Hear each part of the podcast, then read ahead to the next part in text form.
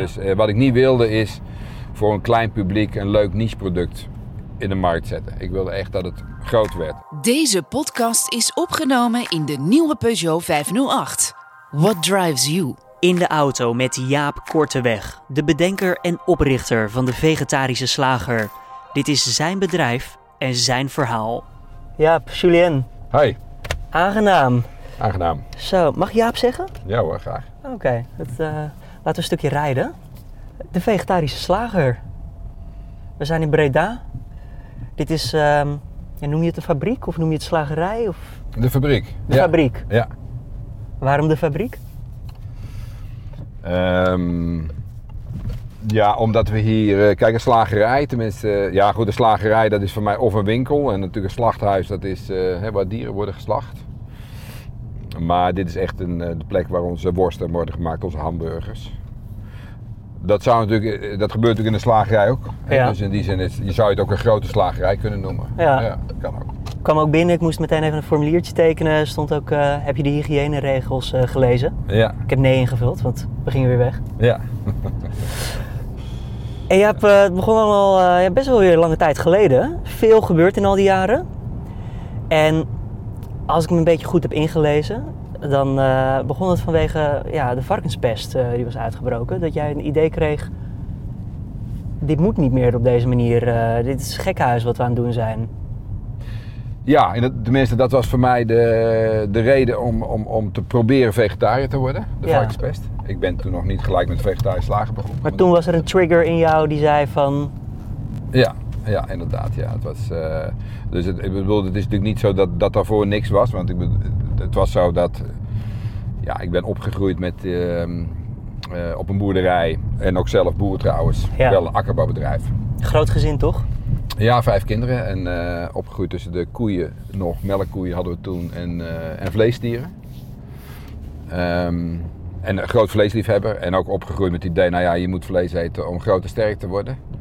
Dus het, het, het was eigenlijk een soort vanzelfsprekendheid vlees dat moest. Alleen ja, hoe doe je dat dan zo, nou ja, in deze tijd zo logisch mogelijk. Dus ja, die groeiende wereldbevolking en zo, en die schaalvergroting in die bio-industrie, dat klonk allemaal wel logisch. Ja. Ehm, en, Maar, maar werd je met de paplepel ingegoten. Je wist niet anders toch? Dan? Nee, daarom. En, en, maar goed, het was wel zo dat ook in ons gezin. Ik bedoel, mijn vader die had, die had er ook al niks mee. Dus die vond het niks, die, eh, die grote kippen en varkensstallen. Het was meer om te overleven.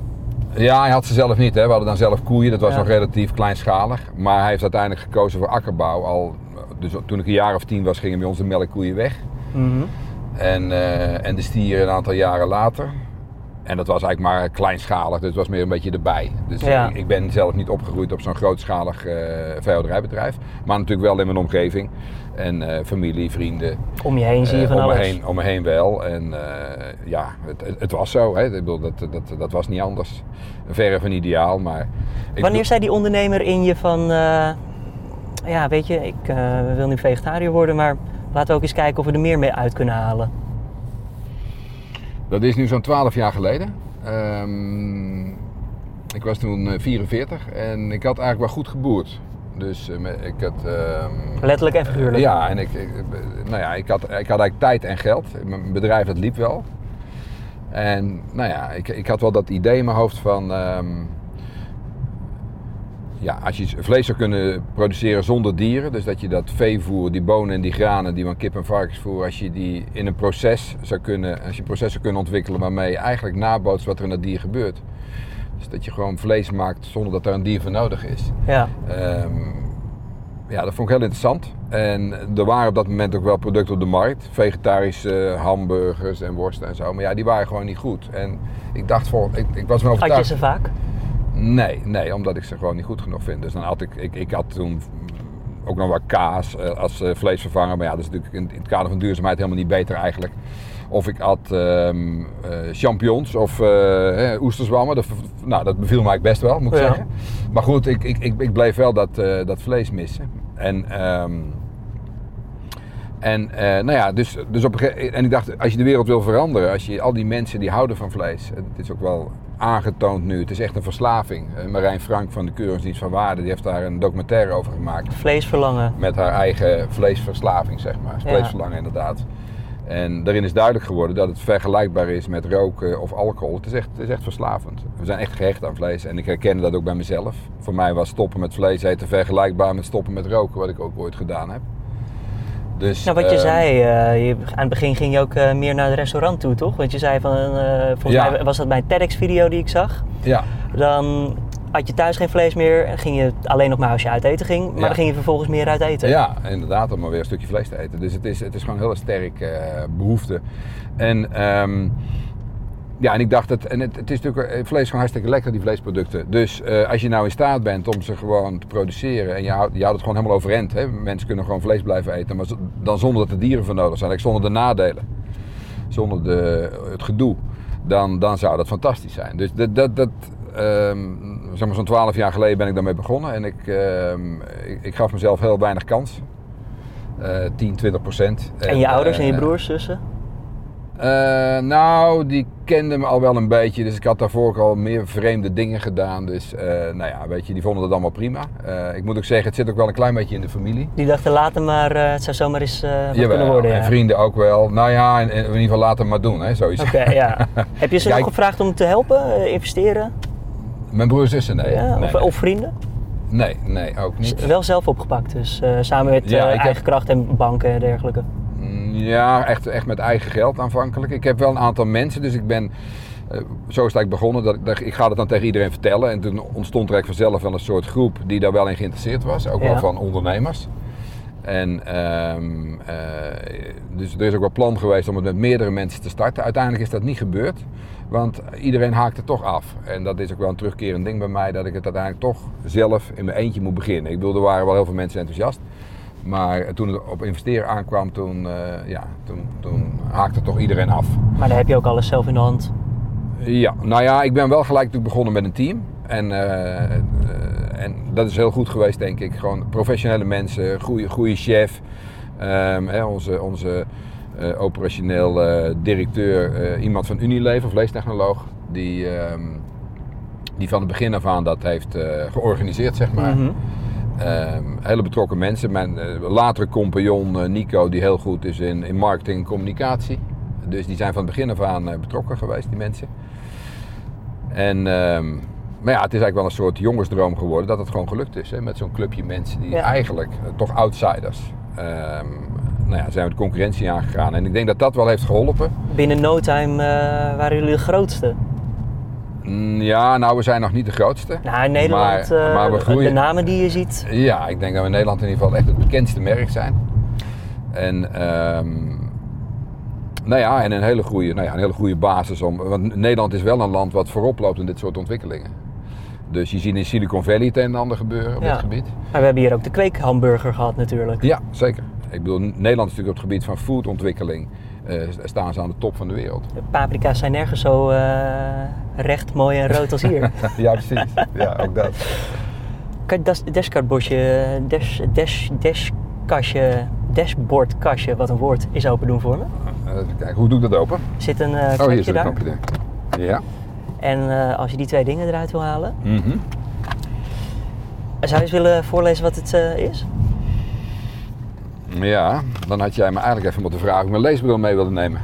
Oh, sorry, anders lees ik het wel even voor. eh. Want twee, kijk, ik kan, ik kan op de, de voorkant kan ik wel lezen, die grote letters. het zijn twee De Little Willys en de MC Kwadraat Burger. ja, verpakkingen van de vegetarische slager. Ik heb ze Ja. gisteren gehaald bij de supermarkt. Het is de eerste keer dat ik eigenlijk iets van jullie gegeten heb. Mhm. Dus ik heb het geprobeerd. Ja. Wil je weten wat ik ervan vond? Ja, natuurlijk. Van die hamburgers super lekker. Ja. Daar, eh, die kwamen echt bij vlees in Mhm. de buurt. Ja. En die worstjes vond ik te zacht. Te zacht. Dus ik, weet je wat ik, eh, dat heb je ook bij een rookworst, als je je vork erin prikt, Ja. dat die prikt of zo. En dat die dan, dat wat jus gaat eruit. Ja, ja. Dat er wat sap uitloopt. Ja. Wat vet. Kan dat zonder vlees? Jawel, dat kan wel. Ja, ik denk... Heb ik ze verkeerd bereid misschien? Nou, dat weet ik niet. Dit zijn... ehm, eh, we hebben nu de eigen fabriek. Deze worstjes komen nog niet uit onze eigen fabriek. Ja. Eh, de rookworst wel, die we nu hebben. En die rookworst die we nu op de markt gebracht hebben, er zit evenveel eh, vet in als in een, een magere vleesrookworst. Oké, Daar zit bijna 20% vet in. ja.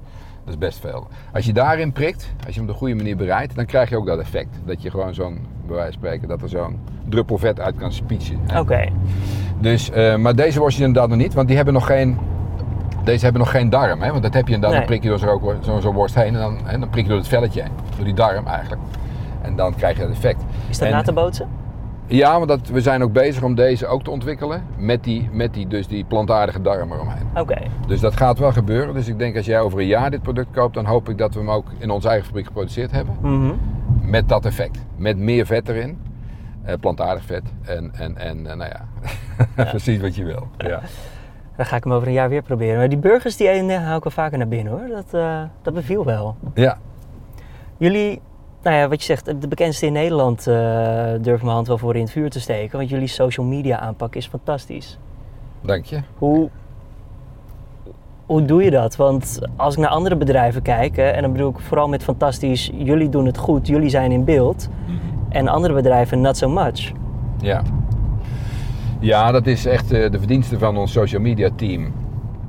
Eh, het is een heel eh, clubje mensen wat daar actief is. En, en mijn, mijn compagnon vanaf het eerste uur, die heeft Twitter, Twitter gedaan. Ja. En dat heeft hij heel goed gedaan. En ehm, eh, ja, nu is dat een team van, van, van, van drie mensen die daar fulltime mee bezig zijn. En ja, dat werpt zijn vruchten af. Wat je ziet is dat ehm, de mensen die bij ons op, op communicatie zitten, die zijn allemaal zeer gedreven door de missie. Dus ehm, voor hun is het veel meer dan werk. Ja. En ik denk dat je dat, dat jij dat eh, ziet in dat social media verhaal. Ik, eh, ik hou me er zelf dus helemaal niet mee bezig. Geen enkele verdienste voor mij. Want ik, eh, het, is, zelfs zo dat ik er niet op zit. Dus ik volg het zelfs maar beperkt. Waarom twitter je niet? Ehm, ja, ik, ja, er is gewoon nooit van gekomen en het gaat heel goed. De mensen die dat doen, doen het, doen het, doen het fantastisch. En, ehm, dus ik, ik, ik zit niet op Twitter, op, niet, niet op Facebook en niet op Instagram. Dus Echt een keuze. Ja, keuze is misschien een groot woord, maar ik heb het druk genoeg. Ook zonder dat dus. Je bent wel een beetje workaholic. ja, een beetje wel denk ik, ja. Is dat hoewel ik wel, geloof ik, ehm, in mijn werk wel een soort eh, rust heb. Dus, ehm, eh, dus ik, ik kan, ik bedoel, ik, ik, ik, ik heb niet zoveel met vakantie en zo. Heb ik, eh, dus dat doe ik ook weinig. Mhm. Ik kan gewoon eigenlijk een heel jaar wel werken. Maar ik geloof wel dat ik op een manier werk die vol te houden is. Tot nu toe. dus ik neem wel gewoon, Wat is je geheim, man? nou ja, gewoon toch wel eh, tijdens het werk gewoon rust nemen en zo. Hoe, hoe vroeg gaat je wekker? Ik heb geen wekker. Je hebt geen wekker. Nee, nee. Word jij uit Dus, jezelf vroeg wakker? eh, meestal wel. Je bent een ochtendmens. Ja, ja, ja, ja, ik ben meestal vroeg wakker. En als ik echt natuurlijk ergens vroeg moet zijn, dan zet ik wel mijn eh, wekker op mijn telefoon. Ja, maar eigen baas, dus je kan starten eh, wanneer je wil. Ja, maar goed, ik heb natuurlijk wel eens een afspraak met iemand. Hè. Ja. Dus, eh, Ja, la- laatst nog met Unilever natuurlijk. ja, En dat is een mooi nieuws geweest. ja, zeker. Overgenomen door Unilever. Ja, En dat was ook precies het bedrijf waar jij door, wilde, door overgenomen wilde worden. ja, zij stonden bij ons wel op nummer 1. Ja. Is dat omdat ze vanaf het begin af aan meewerkten aan jullie idee? Aan jullie product? Nee, dat niet. Het is omdat, ehm, kijk, ik, ik ben het begonnen om impact te hebben. Dus toen ik ehm, dat kleine winkeltje begon, eh, opende nu, eh, wat is het, 8,5 jaar geleden.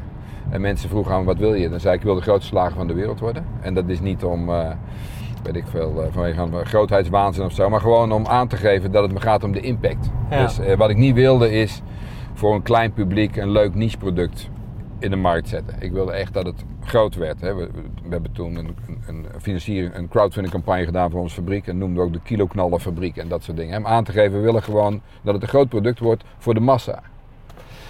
En ehm, als je natuurlijk ehm, impact wil hebben, dan is, ja, als je kijkt naar de, de wereldwijde foodbedrijven, is Unilever, ook qua duurzaamheid past dat natuurlijk helemaal. Maar eh, een bedrijf ook met Nederlandse wortels natuurlijk, met een hoofdkantoor in Nederland. En eh, wat ik ook gewoon heel fijn vind. eh, ik bedoel, ik ben, ik ben niet zo reiziger. Dus ehm, Dat zei je. ja, dus dit, dit- nou ja, dat was gewoon, eh, ja, dat paste eigenlijk helemaal. En het is geweldig dat zij ons benaderd hebben al vroeg in de samenwerking met Unox. Maar nu ook begin vorig jaar om, om echt ons over te nemen. Ja. En, Zij dat- zien natuurlijk ook groeimogelijkheden, de markt verandert, mensen willen iets anders. Ja, inderdaad. Dus ze hadden, toen ze ons benaderden in februari vorig jaar, toen vertelden ze dat ze al twee jaar onderzoek hadden gedaan. Ehm, dus daar zijn ze al eh, begin 2016 mee begonnen, wereldwijd. En hebben ze gekeken wat de kansen waren voor onze producten en ons merk wereldwijd. Oké. En, eh, En toen heb je nee gezegd, want je wilde meer geld? ehm, Even hard to get? Nou ja, uiteindelijk is het zo, dat is natuurlijk een heel onderhandelingstraject eh, geweest. Maar we zijn het echt eens geworden over de, over de condities. Dus eh, dat is een, eh, nou ja, ik kan, ik kan niet anders zeggen dat het een heel plezierig traject is geweest. Blijft de vegetarische slager wel de vegetarische, vegetarische slager dus? Ja, want dat is wat ze kopen, hè, Unilever. Ja. Dus ze kopen echt een, eh, een merk en, en producten en, en een missie. Dat, dat, dat geheel, dat, dat vinden ze heel belangrijk, want ja, dat, dat, daar gaat het om.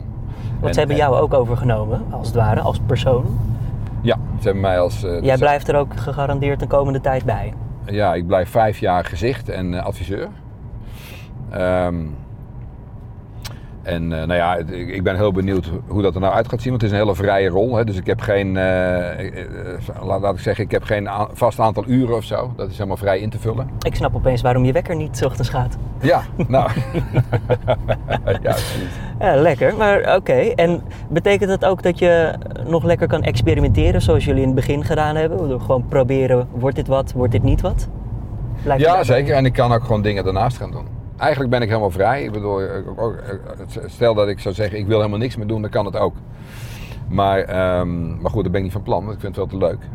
Maar ik heb ook wel andere ideeën. Ik heb bijvoorbeeld eh, eigenlijk al vanaf het begin aangegeven dat als de vegetarische slager eh, op poten zou staan, dat ik dan heel graag de roestvrij koe zou willen ontwikkelen. Of de echte melkrobot. Hè. Dus, dus eh, ehm, een, een machine waar je, die je kunt voeren met gras, zoals, eh, zoals je dat met een koe doet. En waar dan echte grasmelk uitkomt. Maar Ehm, machine die je kan voeren met... Oftewel, dus de koe is er zelf niet meer voor nodig. Ja, Je zet gras om in melk. ja. ja, dus je bootst eigenlijk na wat er in die koe gebeurt. Hoe ver zijn we? Eh, nog helemaal nergens. Dus eh, ik heb binnenkort eh, afspraak met melkdeskundigen, hè, melkprofessoren en zo. Dus ik ben heel benieuwd. Ik weet dat het heel moeilijk is. Het is veel moeilijker nog dan wat we met de vegetarische slaag gedaan hebben. Daar ziet het naar uit, want het is, het is eh, ook al wel vaker geprobeerd wereldwijd. En iedereen zegt ja, dat is gewoon te complex. Maar ik wil het in ieder geval gaan verkennen, daar heb ik tijd voor. En, eh, Kijk je wel eens Star Trek? nee. Ooit van Ja, vroeger Ja. wel. Ja, vroeger wel. Ik, Weet je nog ik, die dingen- In, in, mijn, in, mijn, in mijn jeugd had je natuurlijk Star Trek. Ja, weet je nog die dingen? Dan eh, zeiden ze van, ik wil een of ik wil water, of ik wil thee. En het kwam Ja. gewoon uit de machine naar voren, uit het niets. Ja. Is dat jouw droom? Nou, het niets, dat geloof ik niet. Hè, maar ik, geloof, ik denk wel dat we heel veel kunnen nabootsen, allerlei natuurlijke processen kunnen nabootsen. Dus dat je, eh, ik, ik, ik, nou ja, ik weet zeker dat het mogelijk is om het te doen, om die koe na te bootsen. Alleen het is wel heel complex, dus hoeveel tijd het gaat kosten. En, en, en, en nou ja, dat het mij lukt, ik, ik, ik, ik, ik geef nu aan 1%. Ja. om, om, om toch de verwachtingen te temperen. Maar wat je nu een beetje ziet is dat mensen dat niet meer geloven. Dus, eh, omdat het natuurlijk met de vegetarische slager goed gelukt is. Die 10% is uitgekomen. Ehm, en dat is op zich wel fijn, want kijk, wat je ervoor nodig hebt is in ieder geval een hoop enthousiasme. Ja. En eh, ik, ik, ik, ik zeg het nu ook tegen jou om, om, om, om het zo breed mogelijk te maken, het idee. En om dat zoveel mogelijk mensen te laten meedenken in, eh, in deze oplossing. En dan is dit even een moment om de podcast te onderbreken voor een bericht van onze autosponsor Peugeot.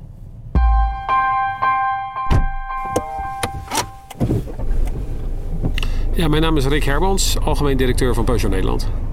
Toen we de nieuwe Peugeot 508 lanceerden, ehm, een auto die echt eh, radicaal anders is in het segment, werden wij als merk en als organisatie ook gedwongen om de dingen anders aan te pakken. En dat betekent dus dat we nou ja, onszelf ook moesten dwingen om ons nog meer te onderscheiden. Ik denk dat het een heel belangrijk onderdeel is van, eh, van ons merk. Eigenlijk van elk merk wat eh, in de auto-industrie bezig is om, om onderscheidend te zijn. Ehm, zeker hier eh, waar je praat over een zakelijke doelgroep. En ik denk in het D-segment, waar, eh, waar de Peugeot 508 zit, dat we echt moeten opvallen tussen eh, nou ja, al de collega's à la Audi en BMW. Dit is ook een andere doelgroep voor ons. Mensen die iets meer zelfbewust zijn, die het anders willen doen. En ja, onze insteek is daar natuurlijk om die met de Peugeot 508 te overtuigen. Als je alleen al naar de auto kijkt, wij bieden iets anders dan wat de collega's bieden. Ehm, eh, eh, met name een nieuwe rijervaring. Ehm, maar ook qua styling eh, is het echt wat anders. nou, met name de details van de auto. Het stiksel van de stoelen, het klavier van de toetsen, de iCockpit. En aan de andere kant in het grote geheel, het- het design en zelfs de wegligging. Alles draait om precisie. En voor het design zou ik maar zeggen, als je naar, naar de auto kijkt, maar misschien is dat een te lang verhaal. Als je ervoor staat, je kijkt een heel klein beetje naar de zijkant, dan denk je dat de achterkant breder is. Is puur design. Hij is smaller. Ja, dat was eh, in, in de ontwikkeling van de auto een heel moeilijk proces. Maar het is wel gelukt. Nou dat stukje precisie vind ik gewoon heel mooi om te zien. Ehm, nou ja, en- en dat spreekt dan ook weer mensen aan. En dat is natuurlijk uiteindelijk ook de bedoeling. Want uiteindelijk is het kopen van een auto toch een stuk emotie. Ehm, en wij willen natuurlijk de mensen overtuigen dat we ja, een, een, een snaar raken. En daar is precisie een, een instrument voor. De nieuwe 508 is dan ook echt anders dan andere auto's in het segment.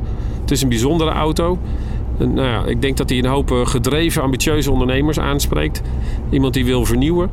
En die ook kan laten zien door een keuze te maken voor de nieuwe 508... dat hij het lef heeft om het gewoon anders te doen. Als je nu zo vrij bent en je mag gewoon alles lekker proberen. Mhm. Je doet waar je zin in hebt als het ware. Je vindt je werk leuk. Zit er dan ook nog een ander bedrijf aan te komen binnenkort? Of blijf je dit allemaal doen voor de vegetarische slager in naam van Unilever? Nou, dat, eh, dat melkverhaal, dat is natuurlijk een heel ander verhaal. Dus dat is... eh, Nou, dat toch een mooie si- side business voor de... Ik denk dat als je het eh, pitcht, dat ze het wel willen hoor. Ja, maar dat is natuurlijk nog veel te vroeg. Want ik bedoel, het- is nu alleen nog maar een idee. Ik heb nog geen enkel concreet, concrete stap dat het ook zou kunnen gaan lukken. Maar, ehm, eh, dus dat is nu nog veel te vroeg en dat geeft niet. Ik bedoel, eh, ik heb er tijd voor en ik ga gewoon het komende jaar gewoon eens even bekijken van, heeft het kans van slagen? Is het zinvol om hierop door te gaan? Omdat je zoveel werkt, hè? En je houdt niet echt van vakantie, moet je dan niet toch eigenlijk even vakantie nemen? Even vieren dat je, dit, dat je deze deal binnen hebt gehaald. Unilever, jongen. Nou, ik Het zijn er niet veel die dat eh, doen. Nee, dat is waar. Nou, ik ga over eh, een paar maandjes ga ik eh, een dagje of twaalf rijd ik naar Barcelona toe. Naar een, eh, een goede bekende van me. En daar neem ik dan de tijd voor. Dus dat doe ik dan in twaalf dagen rijd ik op en neer naar Barcelona. Met de auto. Gezellige roadtrip. Ja, Wie gaat er met je mee? en mijn vriendin. En eh daar heb ik ook wel zin in eigenlijk. Ja. Cabriootje? Nee, ik heb een nieuwe, een nieuwe Tesla gekocht, zo'n Model 3. En met een groter bereik. Ja. En, dus daar gaan we het mee doen. Ja, Leuk, van man. supercharger naar supercharger. Eh, avontuurtje. Ja, zeker. En kan iedereen bereiken wat jij bereikt? Mm, dat weet ik niet. Ehm, nee, daar heb ik natuurlijk geen idee van. Dat denk ik ook niet. Ik denk dat we allemaal andere dingen kunnen. En, wat is er eh, voor nodig om zo goed te ondernemen dan? mm, nou ja, in mijn geval geloof ik is het toch vooral dat ik ehm, eh, de goede mensen weet te vinden. En, en enthousiast weet te krijgen voor een idee. Dat is volgens mij mijn voornaamste. En dan om, om een beetje die grote lijn te bewaken. Want ik heb echt geen verstand van de details. Dus het gaat, ik ben geen levensmiddeltechnoloog. Ik bedoel, dat nou precies werkt en zo. Maar dat, dat, dat, dat weet ik ook allemaal niet. Maar eh, ik, ik, bij, bij mij is het zo dat ik ja, een bepaalde grote lijn zie. Heel, eigenlijk heel simpel. En, ehm, ja, en het geluk heb dat daar de goede mensen op afkomen. Tot nu toe. En dat is ook daarvoor wel bij, bij projecten gebeurd. Dus dat, dat weet ik nu, dat dat, eh, nou ja, dat dat een beetje mijn kwaliteit is. Ja. En, eh, dus ik hoop dat het nu ook weer met, die, eh, met de oplossing voor de, voor de melk, dat het ook weer gaat lukken. Dat zou natuurlijk heel mooi zijn. Hoe, waar kijk je naar als mensen zeggen van... Hé hey Jaap of hé hey meneer Korteweg, ik wil bij u komen werken. Waar let jij dan op? Want jij bent goed in mensen kiezen. Dus je ziet waar het zit. Mm, ja, het is toch een combinatie natuurlijk van enthousiasme en kennis. Kijk, met alleen enthousiasme kom je er absoluut niet. En, eh, en met alleen kennis. Kan je kennis ook leren? Niet eigenlijk. Ook niet.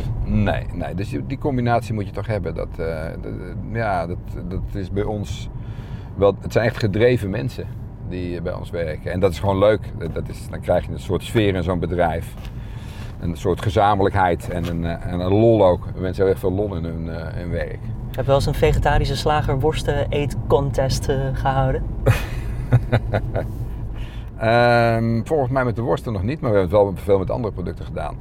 Dus ehm, En anderen doen het wel. Dus wij, wij moedigen anderen aan om dat te doen. En daar krijgen we ook hele leuke reacties op binnen. Van, eh, we zeggen tegen mensen, hou, hou je, je ongelovige buurman of man of zoon of, eh, of, of moeder voor de gek. En, Ja. en, en dat is leuk, want dat, dat, dat, dat leidt heel vaak tot leuke dingen. Laatst was ik bij het MKB-congres.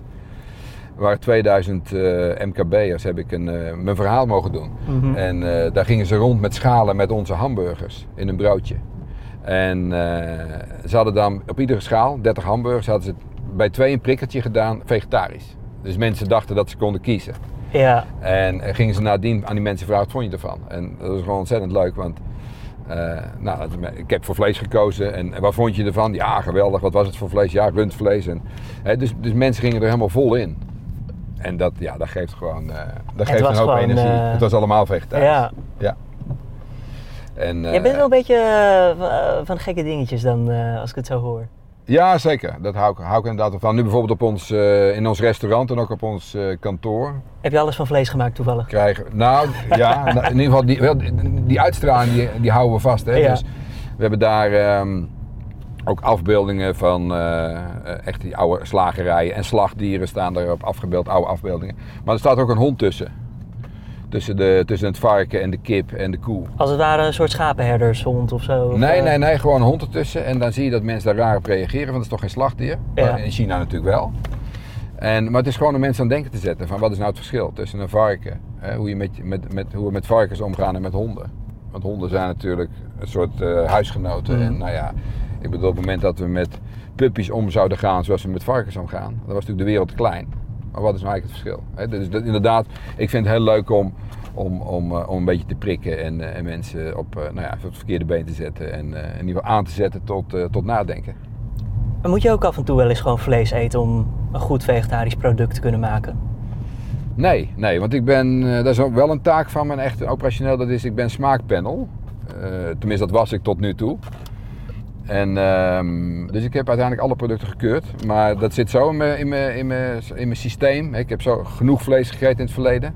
Ook al ben ik er 15 jaar geleden mee gestopt om dat wel gewoon te kunnen beoordelen. Denk je niet van, want een vleeslager die staat natuurlijk ook niet stil. Die wil zijn product verbeteren zoals jij je product wil verbeteren. Ik zou denken, je moet een beetje weten wat daar verandert in de markt en proeven van zitten we nog steeds op de goede weg. Want je vergelijkt nu met een vleesmodel van 15 jaar geleden, toch? Ja, dat klopt. En eh, het is wel zo dat ehm, we werken ook veel in de productontwikkeling samen met vleesbedrijven. We hebben nu bijvoorbeeld recent met Mora hebben we de, de, de, de echte rundvleesdraadjes kroket ontwikkeld, vegetarisch. Ja. En de kipkorn. Kijk, die mensen proeven ook bij Mora en dat zijn natuurlijk wel echte vleeseters. Dus ik bedoel, die invloed hebben we zeker door die samenwerking. Maar eh, voor mezelf, kijk, als het een, een vleesproduct is wat we proberen te kopiëren wat ik niet ken, ja, dan, dan zal ik me ook verlaten op mensen die dat, eh, die dat wel kunnen, bij wijze van spreken. Maar, eh, nou ja, goed, weet je, aan de andere kant is het zo. Ik denk dat, ik heb het gedaan op de manier waarop ik het gedaan heb. Als vegetariër gekeurd en dat is goed gegaan. En nou ja, vergelijk dat maar met, met onze concurrenten die waarschijnlijk dat anders gedaan hebben. Ja. Met echte officiële smaakpanels. En eh, nou ja, we mogen niet klagen. Dus dan denk ik ook van ja, als iets goed gaat, dan moet je het ook niet veranderen, denk ik. Maar ik snap jouw kritische vraag. Hey, hey, eh, als laatste vraag, dan laat ik je gaan, want het is 12 uur, je, moet, eh, je bent ergens nodig. Ja. Wat voor tips heb jij voor mensen die zeggen van, eh, ik wil ook iets voor mezelf beginnen, ik heb een idee, wat moet ik ermee? Nou ja, misschien één tip wel. Ik sprak laatst een jongen die wilde ondernemer worden. Ik zei waarom dan? Hij zei ja, ik wil een tweede huis in Frankrijk. Ik zei nou, voor mij moet je het omkeren. Als jij ondernemer wil worden, moet je bereid zijn om dat tweede huis in Frankrijk te verkopen voor je onderneming. Misschien is dat een tip. Dus je moet het niet doen volgens mij om, om, om, om, rijk te worden. Je moet het doen omdat je echt een leuk idee hebt waar je energie van krijgt. En waar je denkt, dat vind ik leuk om daar mijn energie in te stoppen. En je moet ook niet uitgaan van succes. Eh, maar dat je het geprobeerd hebt. En dat dat eigenlijk voldoende moet zijn. Ik, bedoel, ik denk dat het eh, belangrijk is als je een idee hebt waar je echt enthousiast over bent, dat je het probeert. En ik denk dat dat belangrijker is dan op het moment dat je van tevoren al zegt ik moet succes hebben, dan, dan is het of een teleurstelling. Misschien heb je geluk. Maar eh, mijn ervaring is niet wel. Ik heb, ik heb ook, nou ja, ook voor, naast en voor de vegetarische lagen van alles gedaan. En ook binnen de vegetarische. Heel veel mislukt natuurlijk gewoon. Dat hoort ook gewoon bij. Ja. En dat is niet erg, weet je wel. Als je maar dat doel voor ogen hebt, Je moet er tegen kunnen wel. dan moet je tegen kunnen. En, en, en, en je moet, het moet eigenlijk voldoende zijn dat je het probeert. En eh, ik denk als je dat vasthoudt, dan word ik niet zo snel teleurgesteld. Dan kun je misschien nog wel een eindje komen. Ga ik wat langer door waarschijnlijk. Ja, dankjewel man. Graag gedaan.